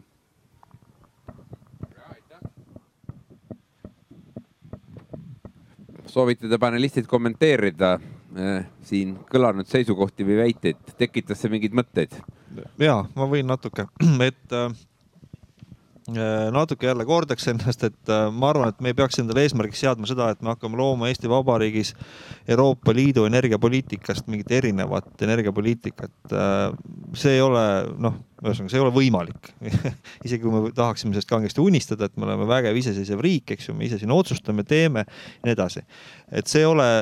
reaalne. Ja kui, ja kui me siis ikkagi selle Euroopa energiapoliitika juurde tuleme, siis on ilmselge, et varem või hiljem energiatootmisviisid, mis emiteerivad kasvuhoonegaase, noh, moel või teisel pannakse kinni. Ja, äh, sealhulgas gaas, aga gaas on noh, niisugune, nüüd on ajastamise küsimus, eks ju, et gaas võib pakkuda mingi perioodi mingit üleminekut, eks ju just. Ja, ja me, ma arvan, me peaksime ikkagi ausalt sellele olukorrale vastu vaatama ja vaatama selle pilguga siis ikkagi selle kliimaneutraalse pilguga kõikidele varustuskindluste aruannetele ja kõikidele energiaarenduskavadele ja, ja mis meil siis sealt nagu järgi jääb ja, ja siis, mis järgi jääb, seal mingisuguseid imelahendusi mitte kuskil ei ole, et noh, me võime siin olla laval väga särtsakad, aga sellest ei teki mingit innovatsiooni. Äh, need tehnoloogiad, need valikud tegelikult on meil täna kõik olemas. Äh, loomulikult nad arenevad, aga need arengud ei, ei toimu nii, et, et täna või noh, eile ei olnud ja täna on, et need arengud toimuvad kümnete aastate noh kaupa ja, ja mingeid imesid siin ei sünni ja tegelikult me peame kõiki neid asju, mida me tegelikult juba täna teame, neid tehnoloogiaid, me peame hakkama neid lihtsalt tegema otsast noh, me peame hakkama mingisuguste sammudega kuhugi liikuma. aga noh, praegu on ikkagi see, et, et justkui luuakse jätkuvalt sellist illusiooni, et ei et Eesti on nii võimas riik, et ta kehtestab ise äh, globaalsest energiapoliitikast mingid erinevad reeglid ja, ja, ja teeb sellest lähtuvalt ka investeeringuid, mis, mis noh, ilmselgelt ebaõnnestuvad ja on väga kulukad. noh, ma arvan, noh, see tuleks ära lõpetada varem või hiljem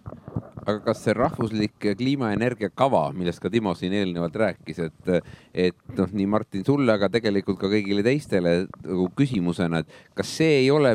piisavalt selge raamistik just täpselt nagu selles osas, et saada siis aru, et mis, sest selge, ega noh, turg pole absoluutne, eks ole, et noh, turgu ka iga, igat kauba ja teenuse turgu noh, mingid reeglid alati raamistavad, eks ole, et, et kas noh, me räägime nii-öelda turupõhisusest, eks ole, ja kindlasti noh, Elering on turupõhine ettevõte selles loogikas, et me usume, et turg toob kõige paremad lahendused ja kõige efektiivsemalt tagab Eesti tarbijate varustuskindluse. aga me noh, ei arva, et see on anarhia, eks ole, et noh, et kui kliimaenergia kava ongi see raamistik, eks ole, et me tahame kaks tuhat kolmkümmend, kaks tuhat viiskümmend need eesmärgid saavutada, siis loomulikult me selle turu set-up'i noh, teemegi sellise, eks ole, et see on ta võimalik saavutada, eks ole, et kas see oleks piisav? see on piisav, juhul kui seda järgitaks ja siis ongi küsimus, et noh, et me rääkisime siin probleemidest niisugust noh, nagu ütleme, võib-olla no, rauaprobleemidest, noh võrguühendused, eks ole, mis on puudu, aga minu meelest nagu peamine küsimus on see, et noh, et, et kuidas seda turgu disainida nagu selliselt. Ja, ja et kuidas turgu disainida selliselt, et turg toetaks kliimaenergia kava noh saavutamist, eks ole, mul ei ole küll Ma arvan, et Euroopa- võimsusturg on see nagu õige meede või jah, lõpuni arvan, selles osas. Euroopa energiaturu disainimine, noh, sellega tegelemine ei ole noh, mõistlik tegevus Eestis. et võtame ikka selle sealt, kuidas see asi on paika pandud ja, ja, ja leiame seal omad, omad parimad võimalused. et noh, ma noh, see, seesama ongi see probleem, et me sisustame oma aega selliste idealistlike debattidega, eks ju, mis, millel tegelikult praktilist väärtust ei ole ja selle tagajärjel jäävad need praktilised sammud tegemata ja selle tagajärjel me tegelikult ei teegi mitte midagi, onju. et noh, tegelikult kui me vaatame tõesti neid Ar- Arvamusfestivali debatte äh,, siis selle aja jooksul need aastad lähevad ja, ja noh, tegelikult energeetikamaastikul väga palju äh, muutusi reaalselt ei, ei, sünni ja ma tõesti siiralt, loodan, et siis see uus kliimakava, energeetika äh, kliimakava ongi see äh, plaan, mille järgi me hakkame, hakkame ka reaalselt nagu liikuma, hakkame tegema väikseid asju, aga teeme neid järjepidevalt ja, ja, ja noh, nii see areng toimub. noh, ei saa muidugi nõus olla, et midagi ei ole toimunud, ma arvan, et sellel aastal on juba Eesti energiasektoris toimunud päris märkimisväärsed arengud, eks ju, mis ei tulnud kellelegi üllatusena ja, ja mis, mis tegelikult mõjutavad väga tugevalt seda energiamaastikku, et et, et seda, seda kindlasti ju selliselt ei saa käsitleda ja noh, kui mõelda, mis veel vahepeal on siin paari aastaga toimunud, noh, tehnoloogiad on odavamaks läinud. et äh, nende valikute tegemine, mis võib-olla paar aastat tagasi olid kulukad, vähem efektiivsed, no need on täna, need lahendused on täna käes ja nendega võib tegelema hakata. Et äh, ma, ma ei ütleks, et see on mingisugune kaotatud kümnend olnud siin meil äh, Eestis energia mõttes kindlasti mitte, et äh, päris palju on tehtud ja, ja järjest suurem valik tehnoloogiaid, uusi tehnoloogiaid muutuvad tänaste hindade juures juba konkurentsivõimeliseks, kuhu on võimalik investeerida, et need on tegelikult kõik need sündmused, mis siin vahepeal juhtunud on. Et noh, muidugi võib diskuteerida, et noh, et kui Eesti oleks siin veel jõulisemalt taastuvenergiat toetanud, et kas siis kuidagi Vestase tuulikud oleksid soodsamaks läinud Taanis, no ma usun, et mitte, et noh, ma arvan, et riik ei saa siin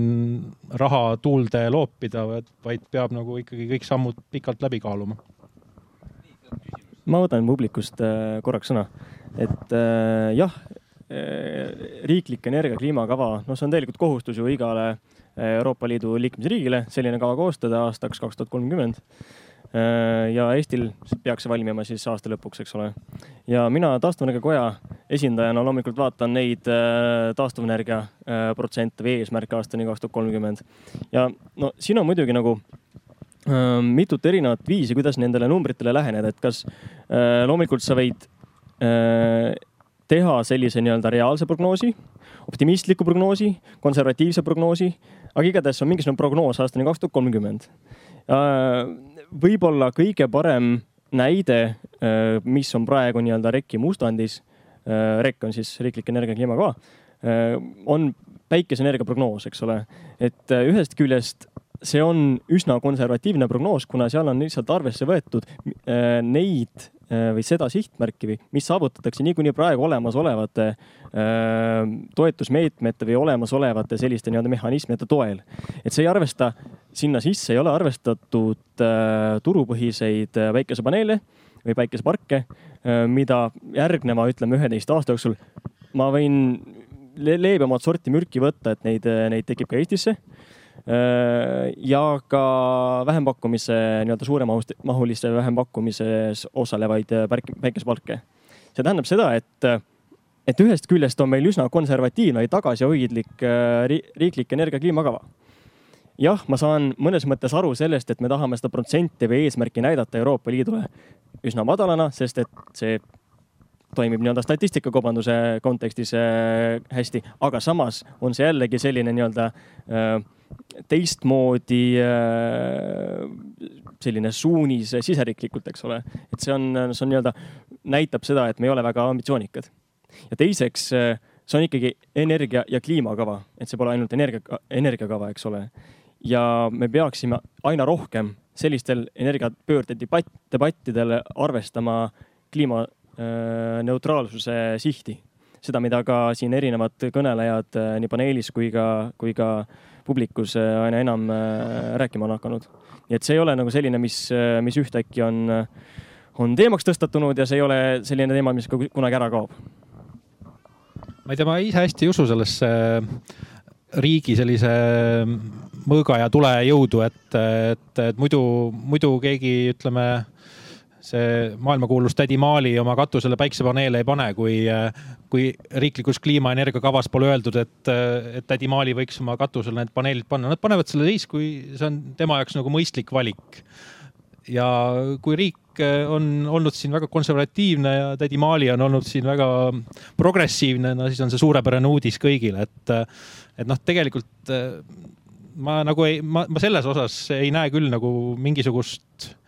võluvitsa selles rekis, et kui me sinna kirjutame mingid utoopilised numbrid, et siis, äh, siis me kõik siit kaome siit väljakult ja jookseme katustele paneele paigaldama, sest mina ütlesin seda praegu siin nii, eks ju, et noh, et tegelikult see ju ei tööta nii, et ta töötab siis, kui need asjad muutuvad kasumlikumaks. või kui me tahame kõik ühiskonnana selle kõik kinni maksta, et äh, maksame elektriarvetel kõik äh, siis nii-öelda forsseerime seda arengut, et noh need on poliitilised valikud. mina saan iga neli aasta, iga nelja aasta tagant või tihedamini endale ministeeriumisse uue ministri, kes tuleb teie mandaadiga, ütleb, et äh, mida oleks vaja teha. see on seesama jutt selle sõnamurdjalikkuse kohta, eks ju, et äh, kes see sõnamurdjal on siis, noh, te sama olete siin sõnamurdjad, et äh, mitte, mitte mina, et muide sõnasid ei murtud, et seda, seda Martin kinnitas, aga noh, tegelikult see on ju niimoodi, et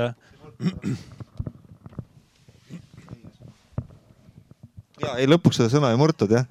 selles mõttes, äh, selles mõttes läks hästi jah. aga ikkagi see, see nii-öelda kogemus on kõigil meeles ja, ja, ja noh,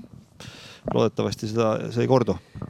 Hardi. jah, lootus ja. teile, et tahad, see ei korduks. tahad sa ka kuidagi kommenteerida siia juurde? Äh, ma arvan, et selle punkti kohta eelkõnelejad ütlesid kõik ära aga, aga võib-olla kui siit niimoodi edasi minna, eks ole, et üks koht kindlasti, et kasutades veel neid viimaseid minuteid, mis meil siin on, et et Martin on siin mitu korda öelnud, et noh, praktilised sammud, praktilised sammud, et, et ikkagi, et noh, praktilisi samme saab teha, eks ole, siis kui need praktilised sammud on noh, defineeritud, eks ole, ütleme, et, et ma kasutades nüüd seda nii-öelda võimalust, et siin Eleringi juhina istun, eks ole, et noh, võtame praktilise näite, et kui me paneme eesmärgi, et me tahaksime, et Eestis oleks atraktiivne keskkond uuteks elektritootmise investeeringuteks, et mida Elering saaks selleks teha, et see keskkond oleks atraktiivne, et mis te siin oskate te anda meile mingit head nõu, mida meie saaksime teha, võtta siis aluseks tõesti sellesama äh, kliimaenergia kava, et noh, seal on need riiklikud eesmärgid, mida me kõik ühiselt saaksime saavutada. vot, et selleks, et seda saavutada, nüüd mida Elering saaks teha, et need uued tootmisinvesteeringud tuleks? noh, siin on jälle see, et, et jalgratast pole vaja leiutada, vaata, mis su kolleegid Euroopas teinud on ehk siis eh, nad on teinud seda, et nad ei ole mitte arvesse võtnud ainult seda noh, nii-öelda võrgu planeerimisel äh,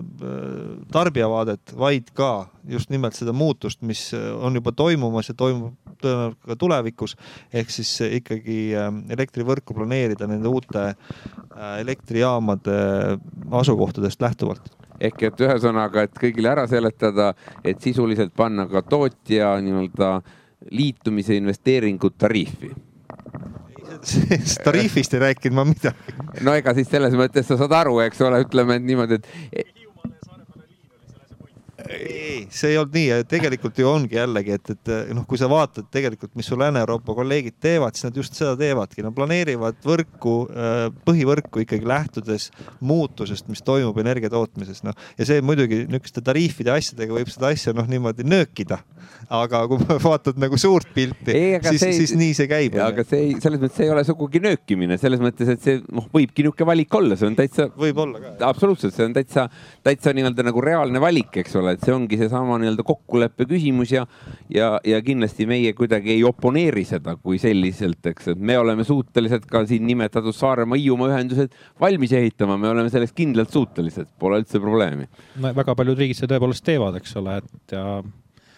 ja see on andnud ka väga paljudele riikidele võimaluse siis välja hõigata, et näed, meil on siin ilma toetusteta tuulepark rajatud kuhugi Taani või kuhugi Põhja-Jäämerre. noh, tegelikult see toetus on ju lihtsalt äh, sotsialiseeritud liitumiskuludesse, et äh, see on kindlasti üks valik, mida potentsiaalselt äh, peab kaaluma ka Eestis, aga noh, see valik on ilmselgelt äh, väga vastuoluline. Aga mm, ma võib-olla lõpetaksin tegelikult hoopis sellise küsimusega siin panelistidele selle äh, tänase, tänase arutelu, kuna see on selline nagu praktiline mm, ja, ja ilmselt kohe-kohe eesseisev küsimus, et äh, millest siin ka kõlas äh, nimetatuna, et oh, et paaripäevane blackout, et, et see võiks olla selline äratuskell, eks ole, et teha midagi põhimõtteliselt teistmoodi, aga aga ma küsiksin hoopis nii-öelda selles loogikas, et et kuna varustuskindluse norm on niisugune asi, mis meil tuleb kohe kehtestada, et, et, et kas, kas see eesmärk, mis meil noh, peaks olema, peaks olema selline, et, et meil kõik tunnid on kaetud tarbimine nii-öelda tootmisvõimsustega. Või me tegelikult võime öelda, et me mingitel tundidel on ka see okei okay, kui tõesti me korb, koormame nii-öelda tarbimist, aga loomulikult nii-öelda turupõhiselt, mitte administratiivselt, eks ole, nagu, nagu alla, et, et, et, et tõenäoliselt lihtsalt kasutades seda nagu võimalust ja seda avalikku arutelu me peame siin algatama kohe, et, et see avalik arutelu algab, eks ole, et, et mis on Eesti tarbija varustuskindluse norm? Ei, ei oska seda täna öelda, aga ma arvan, et see arutelu noh, nagu mõneti kandub siin ka selles mõttes pigem nagu sellesse ja, ja kindlasti selle küsimuse tuleb vastata, ma olen sada protsenti sellega nõus, aga, aga pigem see, mida Sandor ütles hinna kohta, eks ole, et, et kuskil maal on nagu see nagu hinnalagi, mida nii-öelda ühiskond ja poliitikud ei kannata välja, kus noh, ta nagu kääritakse käised üles ja tahetakse kättpidi masinasse minna. Et noh, ma arvan, et see varustuskindlusega nii-öelda standardiga on sama lugu, eks ole, et kuigi võib olla ratsionaalne, et, et kümme tundi noh, pole üldse mingi probleem, onju, aga et noh, tõenäoliselt keegi ei julge ega suuda sellist sõnumit nii-öelda välja öelda, et, et, et mis see varustuskindlus võiks olla? mis see varustuskindluse norm võiks olla? No praegu me, ma saan aru, et valitsusel on väga konkreetne ja raske ülesanne ja, ja ta peab selle arvutuse vist ära tegema, aga noh, siin me võime natukene niimoodi noh, nii-öelda vabamalt sellesse ja suhtuda., aga ja ole. suhtugegi. ja mina ütleks seda niimoodi, et, et ma arvan, see norm on see, et, et null, null tundi, null sekundit, et noh, see on see, millega me oleme harjunud ja miks me peaksime sealt sammukese tagasi astuma. Ja kui mul oleks näiteks endal kodus, mul ei ole veel, aga loodetavasti varsti on mingi korralik äh, elektriakuga auto, kust ma saan ka oma maja tagurpidi varustada, siis äh, noh, ka võib-olla see on mingi lahendus, kui ma vaatan personaalsest vaatest, aga, aga noh, hea oleks muidugi, kui süsteem selle ikkagi mulle tagaks Hardi, siin sa kindlasti oskad öelda väga kaaluka sõna. jah, et mina ei usu, et see peaks olema null tundi. võib-olla, et selline mõttelõng käis paari äh, publiku jutu, jutu seest ka läbi, et et, et mis siis, kui, kui elektriturul juhtub midagi vinget, et tuleb blackout või siis hind läheb nii kõrgeks, et, et natuke nalja teha ka, et, et võib-olla siis meil ongi seda vaja, et et kui me seame endale varustuskindluse eesmärgi null tundi, siis me lihtsalt ehitamegi neid gaasijaamasid, millele alternatiivi teadupärast ei ole. aga kui, kui see norm on meil natuke Ei, madalam. ega gaasijaam pole ka kuradis siiski, ma tahan öelda. see oli, see oli natuke nali, aga et kui, kui meil see norm on natuke madalam ja, ja inimesed näevad, võib-olla küll mitte väga tihti, aga siiski näevad neid väga kõrgeid hindasid, mida me veel näinud ei ole. et võib-olla me ei, leiame endas selle maagilise tarbimisjuhtimise potentsiaali ka. et äh, mina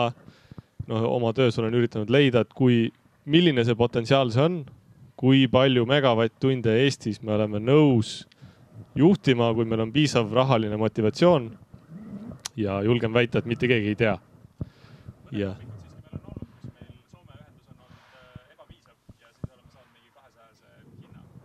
jah, minu, minu isiklik arvamus on, et, et lühiajaliselt kakssada ei ole palju. et, et ta võib. jah, et, et kaks, kaks tuhat võib olla selline hind, mis motiveerib kedagi mõtlema selle üle, et, et kas ma tulevikus, kui sihuke hind kordub, et kas ma juba nagu olen valmis ennast välja lülitama. ja siis me võime, võib juhtuda, et me võrdlemisi odavalt leiame suure koguse võimsust ja me ei peagi ehitama kõiki gaasijaamasid välja. Timo mina vaatan seda pigem nagu sellest küljest, et äh, tõesti sellele küsimusele on võimatu vastata teadmata neid hinnalipikuid, palju see üks tund maksab, kui see üks tund maksab äh, nii palju, et pärast seda ei tule enam Eestisse näiteks tööstusinvesteeringuid. meie ekspordivõimekus kukub, sest meie kaupasid ei ole võimalik enam maailmaturule toota mõistliku hinnaga, no. Need on kõik need asjad, mida tuleb seal arvesse võtta, lisaks see, et äh, Eesti kui investeeringute sihtriik, et kui meil, kui meil on null, aga elektri hind on väga kallis ja näiteks Soomes on kümme, aga elektri hind seal veel odavam, noh, võib-olla ei olnud siis kõige targem otsus, eks ju, et et selline aus vastus on, et täna on ebapiisavalt infot, et selle kohta ühtegi intelligentset vastust anda. nii, aga sealt veel viimane kommentaar ja siis tõmbame paneeli kokku. see viimane arutelu on ju selgelt selline kommunikatsiooniprobleem, et noh, et, et kui, kui mitu tundi me oleme nõus vähem elektrit äh, saama, kui me oleme nagu tahame tarbida, et et noh, lihtsalt analoogne näide on ju see, kuidas Holland planeerib oma tamme. Nad ei planeeri oma tamme, et neil ei tule mitte kunagi üleujutust. Neil on mingisugused, et järgmise, planeeritud mingisuguste tõenäosustega järgmise saja aasta jooksul ühel-kahel päeval kuskilt mõni tamm läheb, järgmise viiesaja aasta jooksul on rohkem. et see ja, ja hollandlastel on see väga edukalt ära kommunikeeritud. ma ei ole kuulnud, et Hollandis oleks mingisuguseid probleeme välisinvesteeringutega, sellepärast et nad on teada, et mingil hetkel neil nende poldrialad ujutatakse üle. see ei ole probleem, sest see on ära kommunikeeritud, et see niimoodi tuleb ja ma arvan, et me oma elektrivarustuskindlusega saame sama asja teha, et öelda, et jah, mingitel tundidel me saame, meil on vähem elektrit nii, aitäh selle kommentaari eest. kas panelistid soovite veel lõpetuseks midagi enda poolt öelda, kuidagi kokku võtta? ma ei tea, kas jõuluks, aga jõulud on veel kaugel, aga. täname tulemast, et oli huvitav. aga siis Martini sõnadega võib-olla tõmbame kokku, et aitäh teile kõigile ja järgmine aasta jälle